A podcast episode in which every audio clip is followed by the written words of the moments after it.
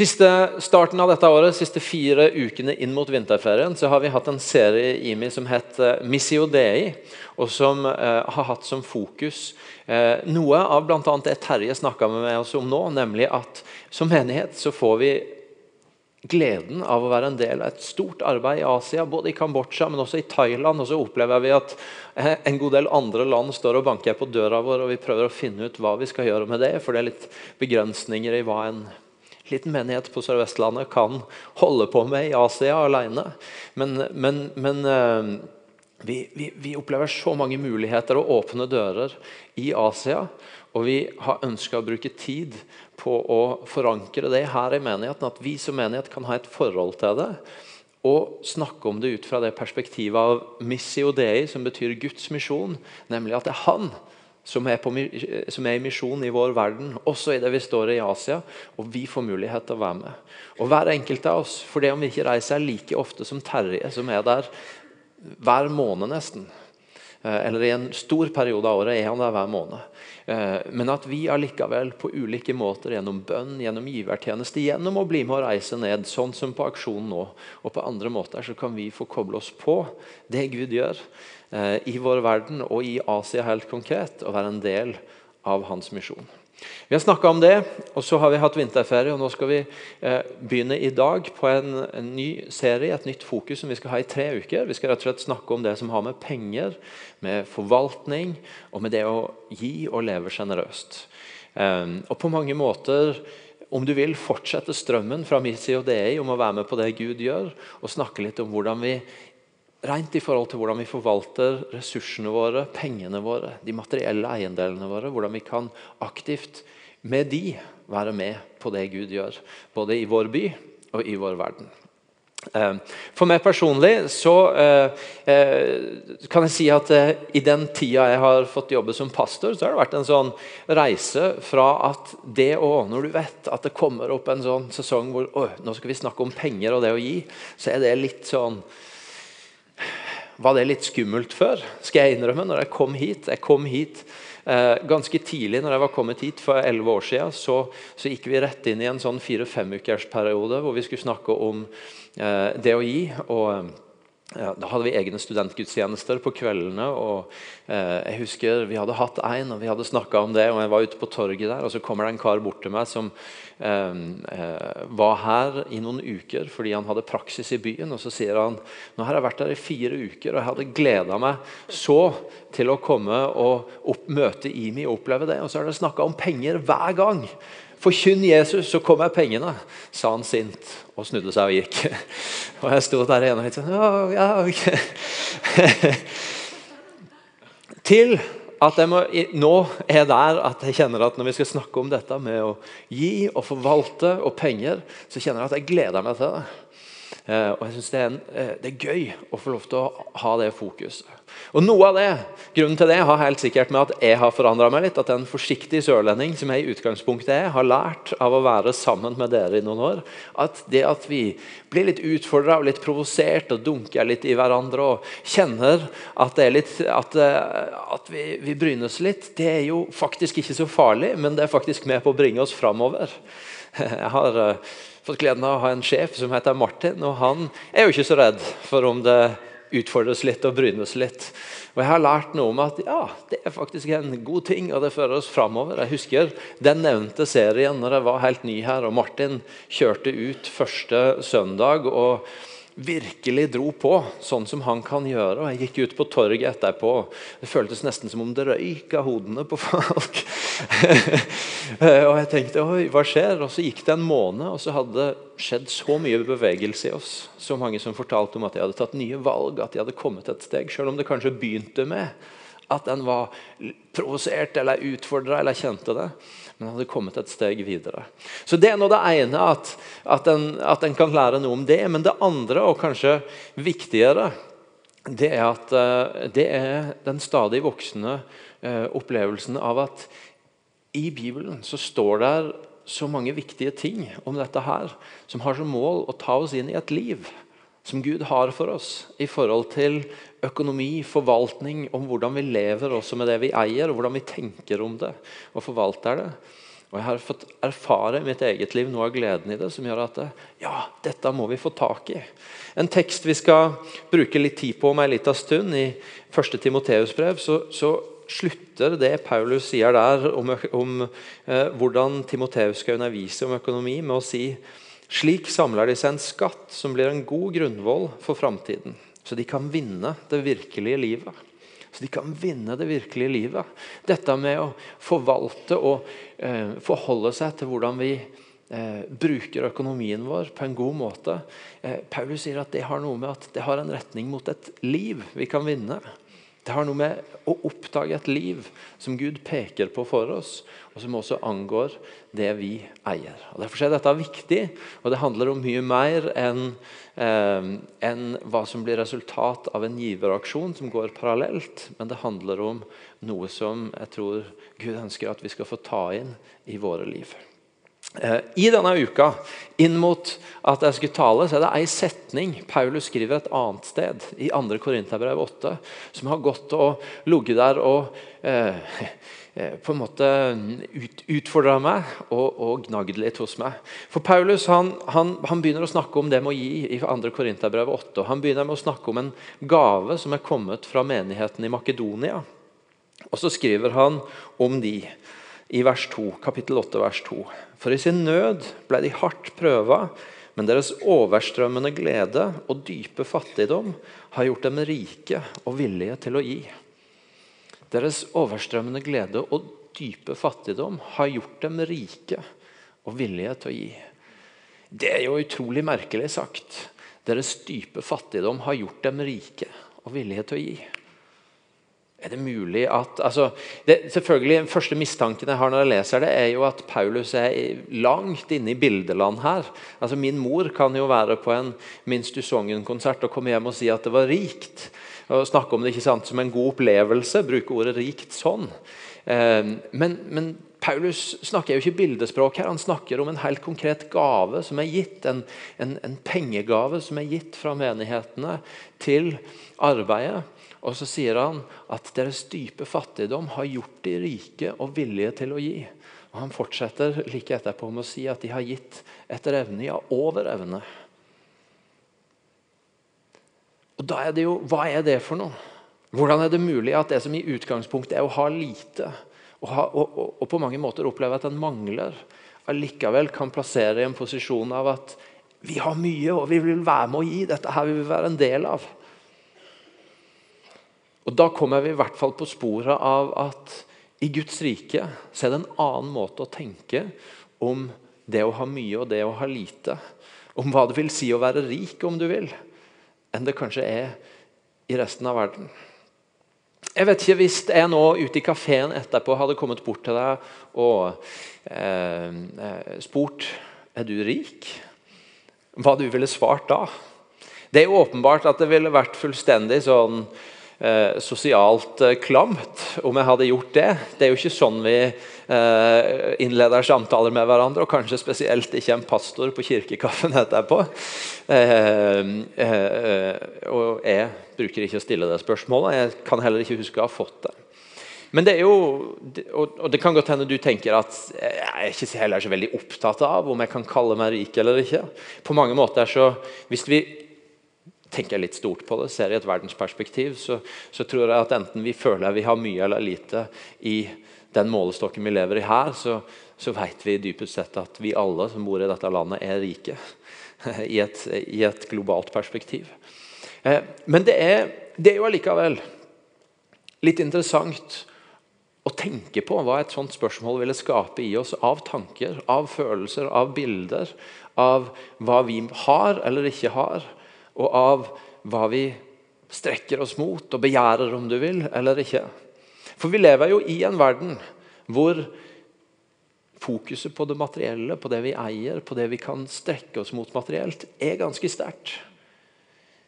Det, det, det, er ikke sikkert det er så veldig mye sterkere enn til andre tider. Jeg tror på mange måter at til alle tider så har folk sett mot de som har og, og ønska seg mer av det. Det som kanskje er annerledes i vår tid, er at det finnes en del flere plattformer til å eksponere det. Og vi lever også i et samfunn hvor det kanskje er større muligheter for å strekke seg mot det og ta steg mot det.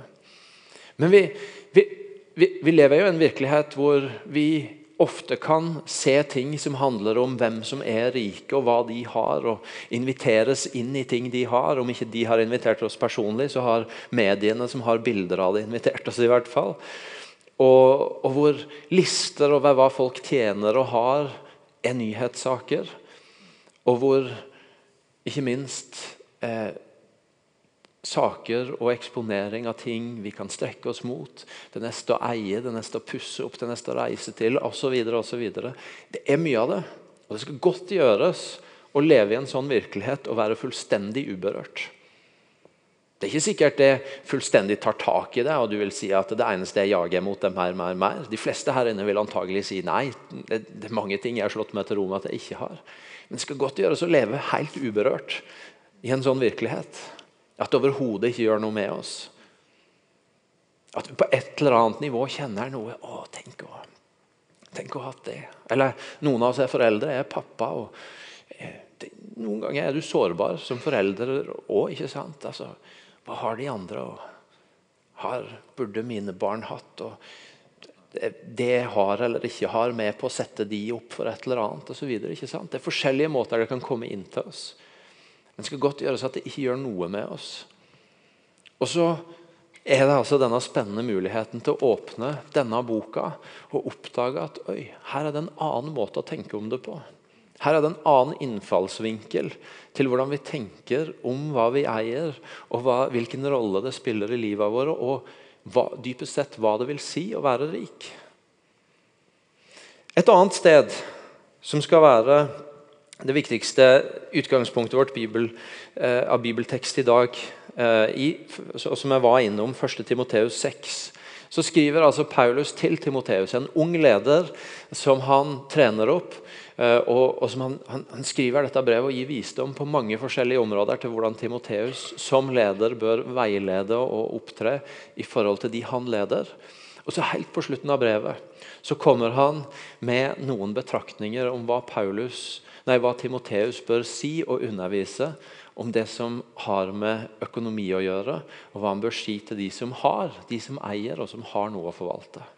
Han skriver i kapittel 6 fra vers 17.: Forman de som er rike i denne verden, at de ikke må være overmodige og ikke sette sitt håp til den usikre rikdommen, men til Gud, Han som gir oss rikelig av alt, for at vi skal nyte det. Forman de som er rike i denne verden, at de ikke må være overmodige og ikke sette sitt håp til den usikre rikdommen, men til Gud.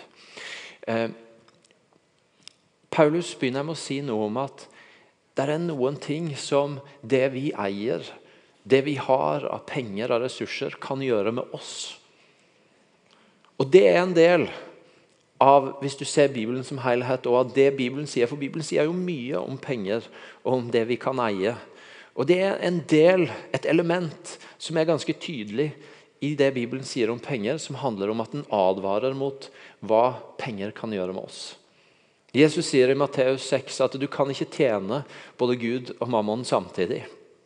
Og, eh, eh, og Underforstått så sier han jo da at vi kan ende opp i en situasjon hvor, eh, hvor, hvor penger, som i utgangspunktet var meint å være noe som skulle jobbe for oss, som skulle være en mulighet for oss til å eh, ha, en, en, en, ha, noen ting vi trenger, til å sørge for noen rundt oss, til å velsigne, til å investere, til å skape verdier.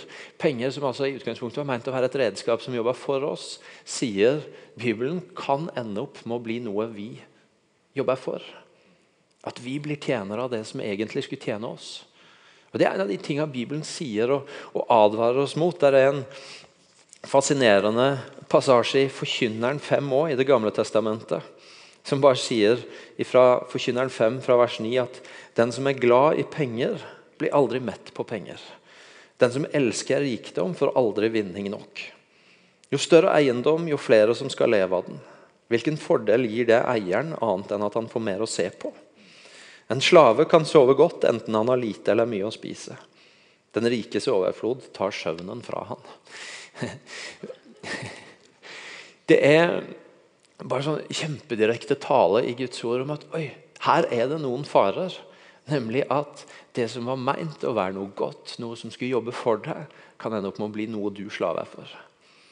Um, og, det, og, det, er en ting for oss, og, og, som Paulus også er inne på her. Han sier på den ene side pass dere i forhold til penger for at dere blir overmodige. I noen av de engelske oversettelsene så står det der eh, arrogante.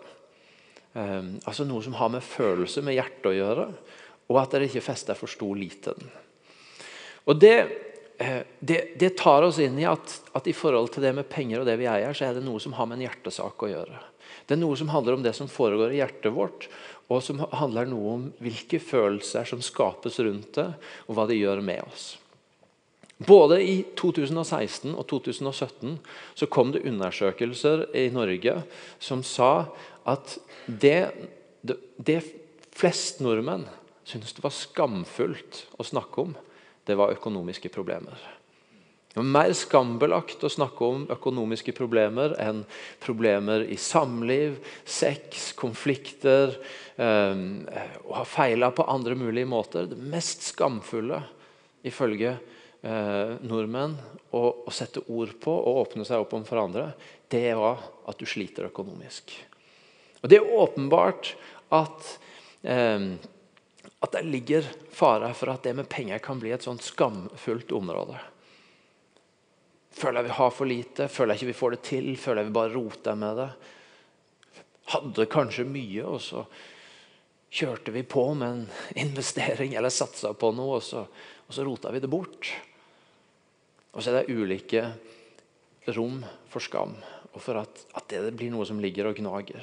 Eh, I denne menigheten er vi så heldige å ha Tone og eh, Håkon Totland, som driver aktive valg, og som, som, jobber mye med å hjelpe folk i forhold til penger. Og De sier også det, at noe av det de merker er at når de kommer inn i situasjoner hvor folk strever med dette, så er det masse skam inne i bildet. Og Så skaper det utfordringer i ekteskap og konflikter i ekteskap. og så andre konflikter.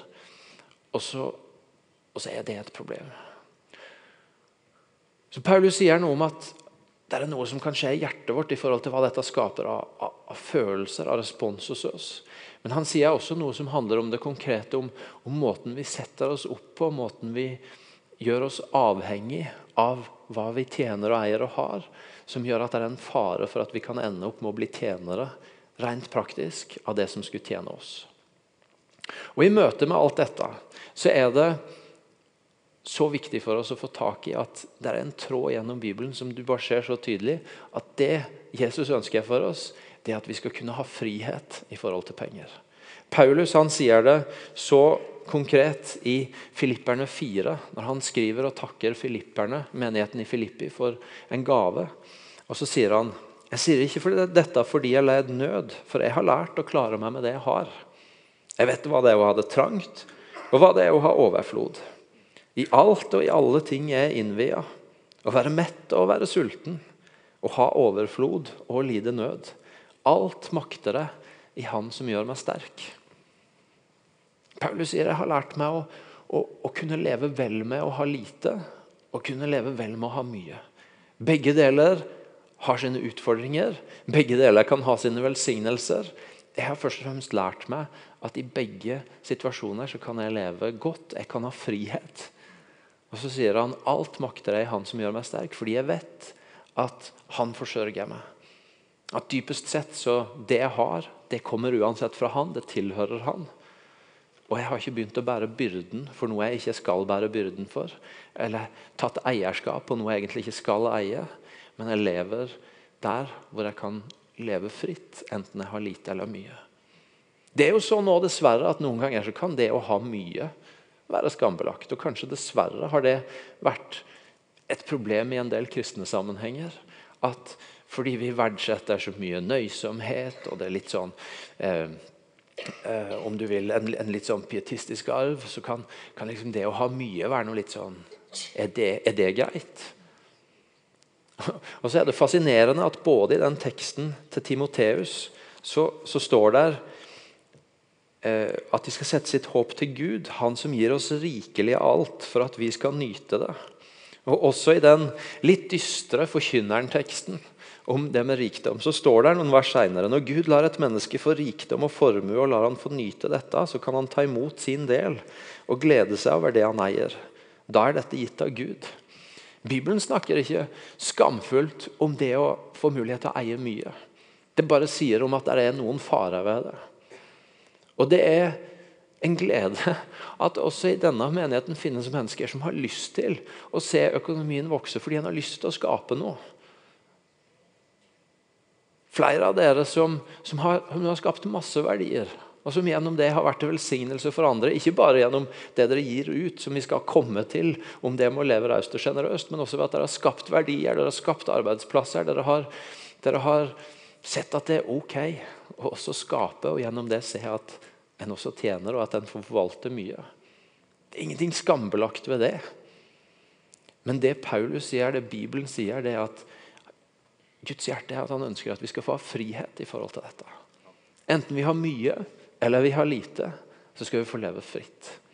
Så i, i et bibelsk perspektiv så handler for det første det å, det å kunne leve rik det har noe med en hjerteposisjon å gjøre. Det har noe med, med, med et hjerte hvor du er fri, og hvor du vet at det er Gud som er min forsørger, og det er Han jeg stoler på, enten jeg har mye eller lite. Og at det til syvende og sist Han som jeg lener meg på mer enn det jeg eier, enten det er mye eller lite. Men så sier Paulus noe mer. Han sier at de skal gjøre godt, være rike på gode gjerninger, være gavmilde og dele med andre. Gjøre godt, være rike på gode gjerninger, være gavmilde og dele med andre. Paulus peker på først en hjerteposisjon, hva som skjer på innsida vår i forhold til det med penger. Men så peker han på en veldig konkret ytre livsstil. Han, som han eh, beskriver med, med, sånne ord som å gjøre godt, være gavmild, leve raust.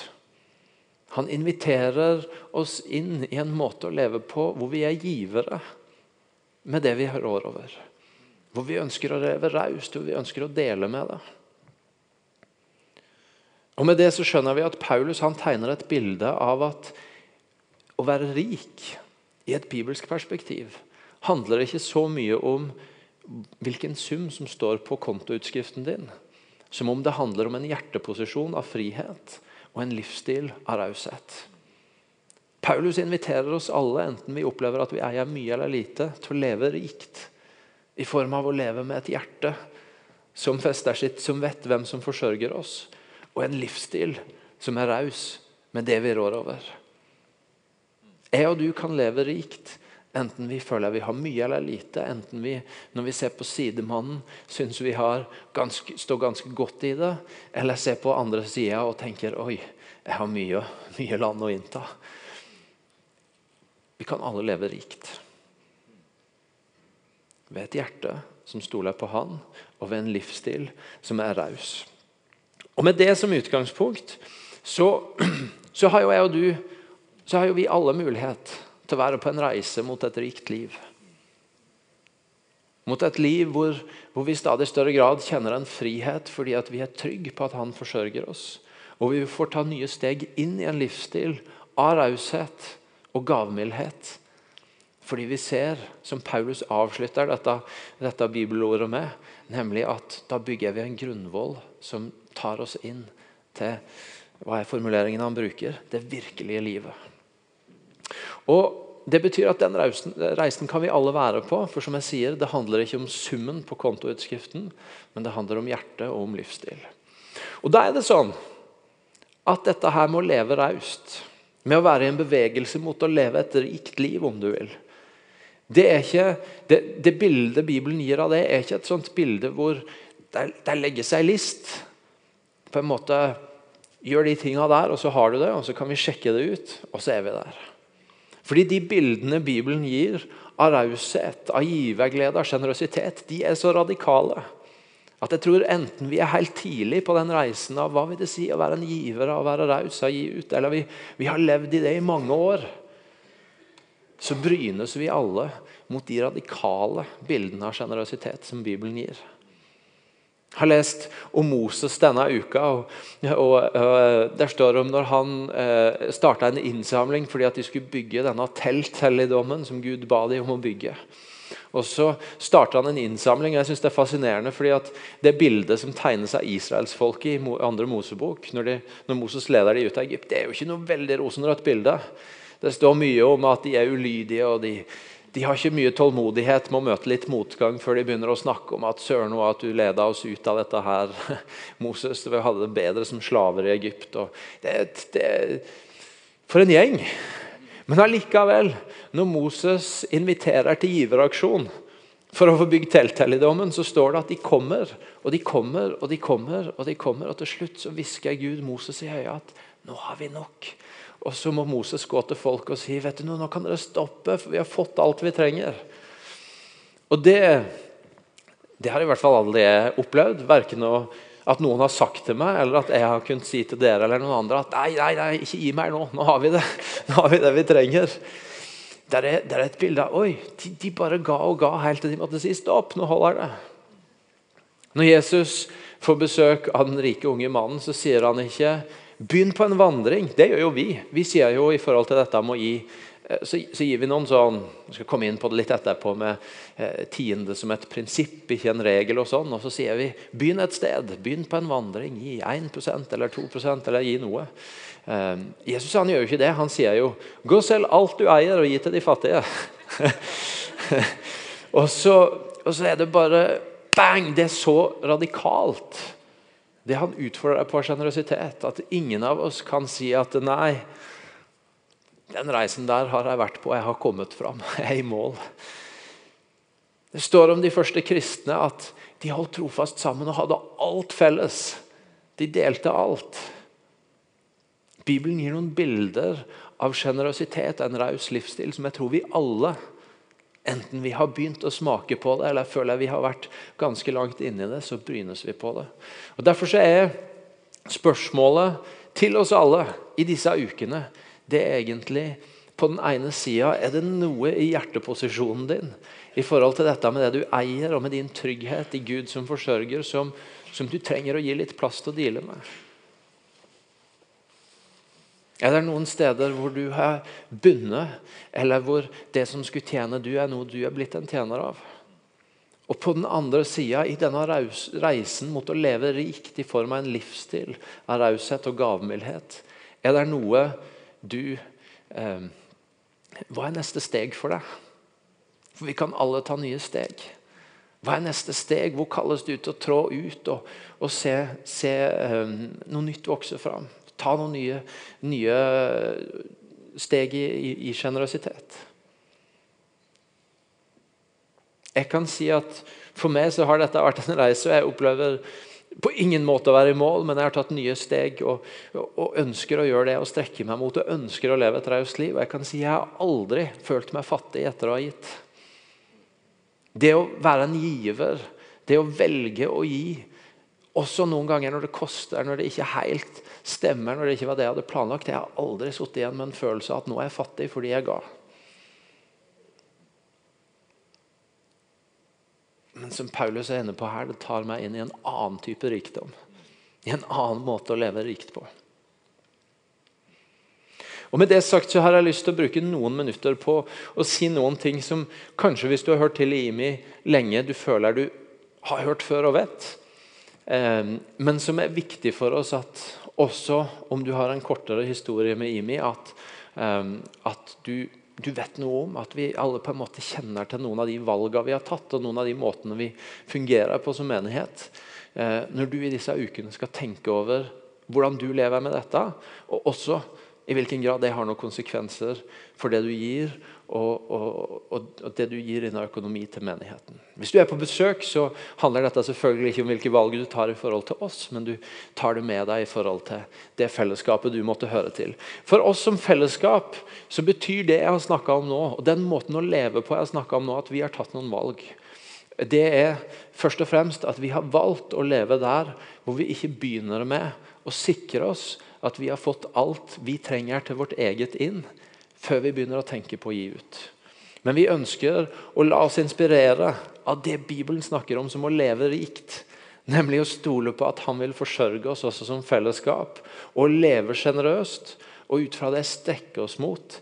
Ikke bare å få mer inn, men å få være med på å gi mer ut. Et av valgene vi har tatt, som noen av dere vet om, men som er viktig at alle vet, det er at ingen søndager når vi kommer sammen utenom én, det er takkesøndagen, så går kollekten til det arbeidet som skjer i denne menigheten i denne byen. Alltid når vi feirer gudstjeneste, så går kollekten til å være med på noe andre steder. En del ganger, ofte, så går det til et arbeid vi sjøl er tungt inne i, i misjonsarbeid i Asia. Andre ganger så velger vi å velsigne folk rundt oss her i Stavanger. Vi har eh, gitt til eh, andre folk som jobber for gode, viktige ting her i byen. Ikke nødvendigvis kristne ting, enten det er Røde Kors eller voldtektsmottaket. Vi har gitt det ting som har med kreftarbeid å gjøre. Vi har gitt det naboklubben vår her, Vidar. Vi har gitt det snømåking når fotballbanen ikke kunne brukes. Masse forskjellig. Eh, og, og, eh, og vi har gitt til andre menigheter i byen. Men det kan jeg si på samme måte som jeg sa om mitt eget liv.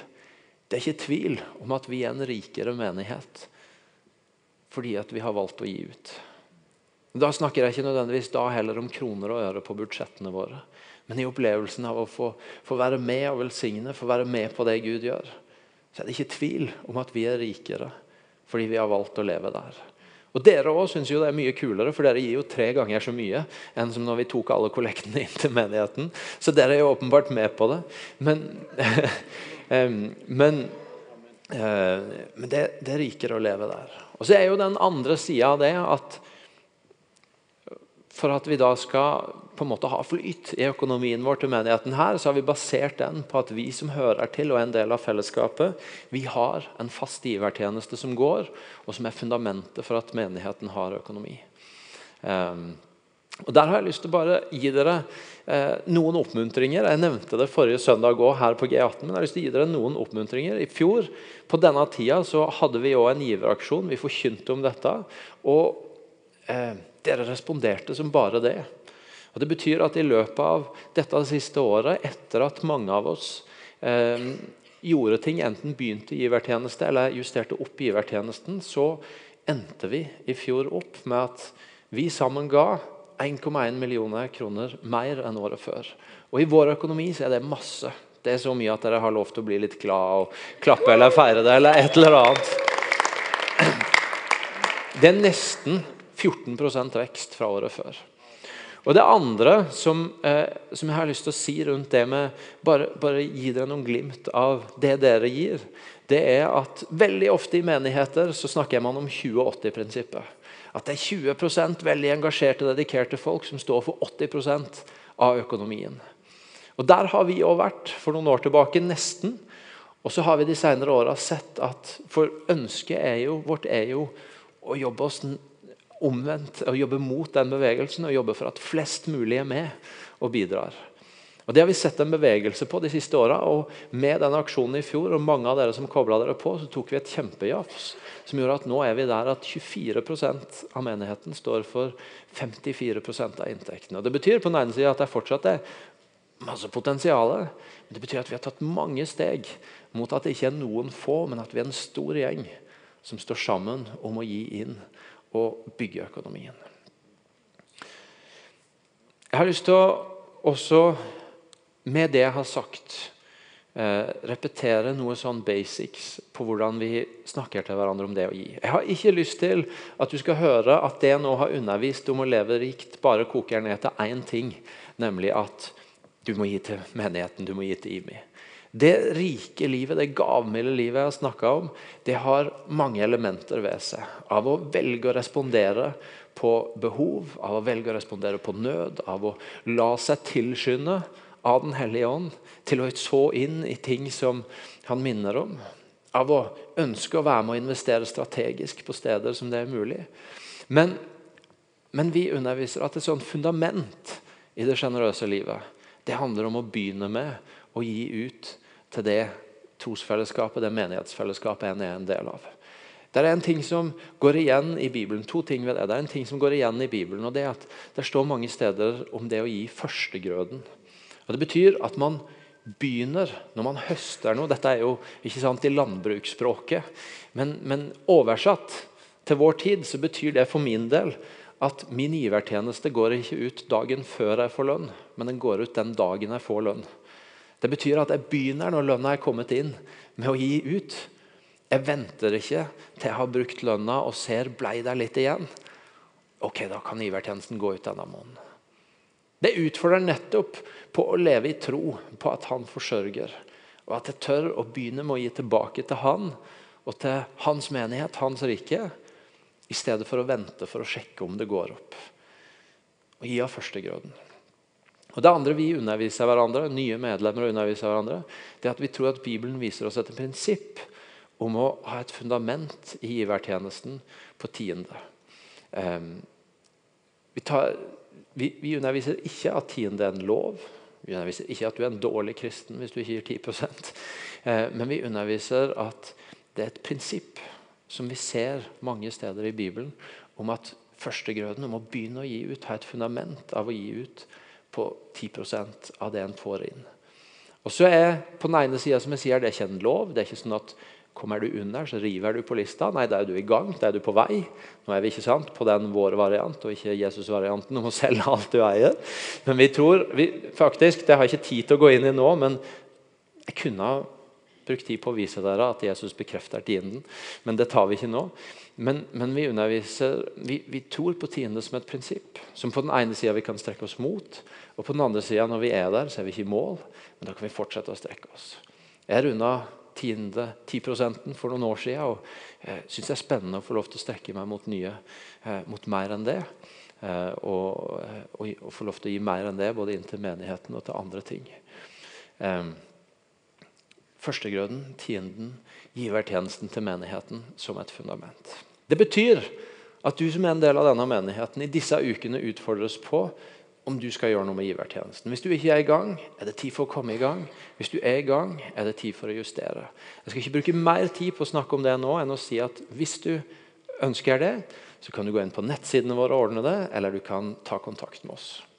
Men til oss alle, enten du nå hører til her eller ikke, enten du velger å respondere på det eller ikke, så har jeg lyst til å ta oss tilbake igjen i Paulus sitt budskap om å leve rikt og utfordre deg til å bruke tid i denne uka på på den ene sida ta inn Er det noe i hjerteposisjonen min i forhold til det jeg eier, som trenger å la seg justere, la seg utfordre?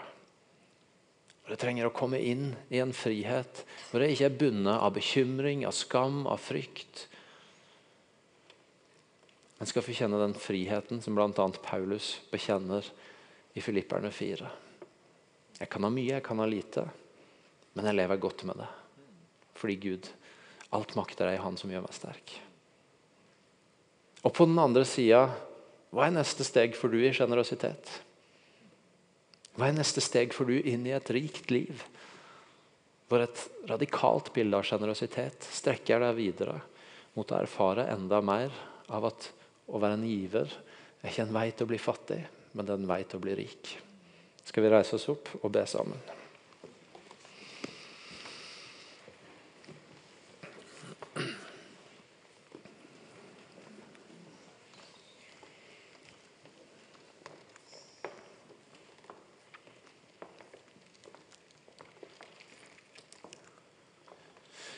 Jesus, takk. For det første for at du bare snakker ærlig med oss i ditt ord om det vi eier. Jeg takker deg for at på et område som det er så mye fokus i verden rundt oss, at ikke du er taus, men at du snakker inn i det, og at du snakker ærlig både om noen utfordringer ved det, men også om det livet og de mulighetene du har for oss i det. Og Jeg ber deg for oss alle om at vi skal få leve rikt på den måten som du beskriver et rikt liv. Jeg har lyst til å be deg for de her inne som på ulike måter kjenner at de ikke er frie. At det er ting i hjertet som setter dem i en ufri posisjon. Enten det har med skam, det har med bekymring, frykt for framtida. Så ber jeg deg om at dette kan være et møtepunkt mellom du og de for en ny type frihet.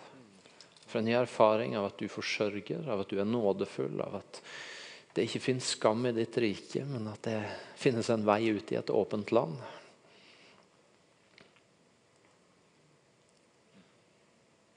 Og at veldig mye av det vi tenker at ikke går bra, det går bra når du er med oss, og når du forsørger oss.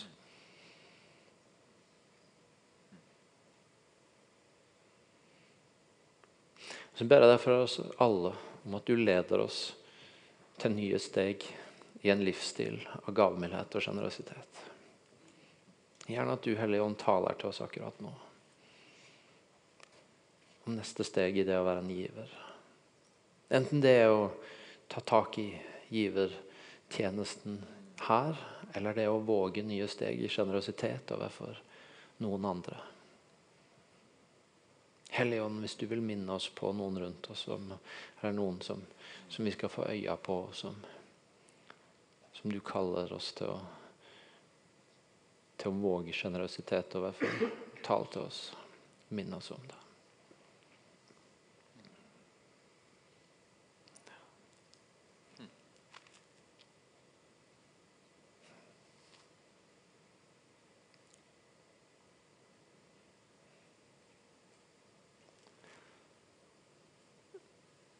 Takk for at du snakker både så nådefullt og så radikalt om dette, Jesus. At, at, vi alle kan få være en del av det livet du inviterer oss til.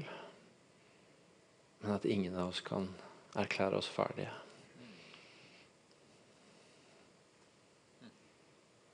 Led oss, Jesus. La oss bare stå sammen og respondere med en lovsang mens du fortsetter å snakke med Jesus om dette.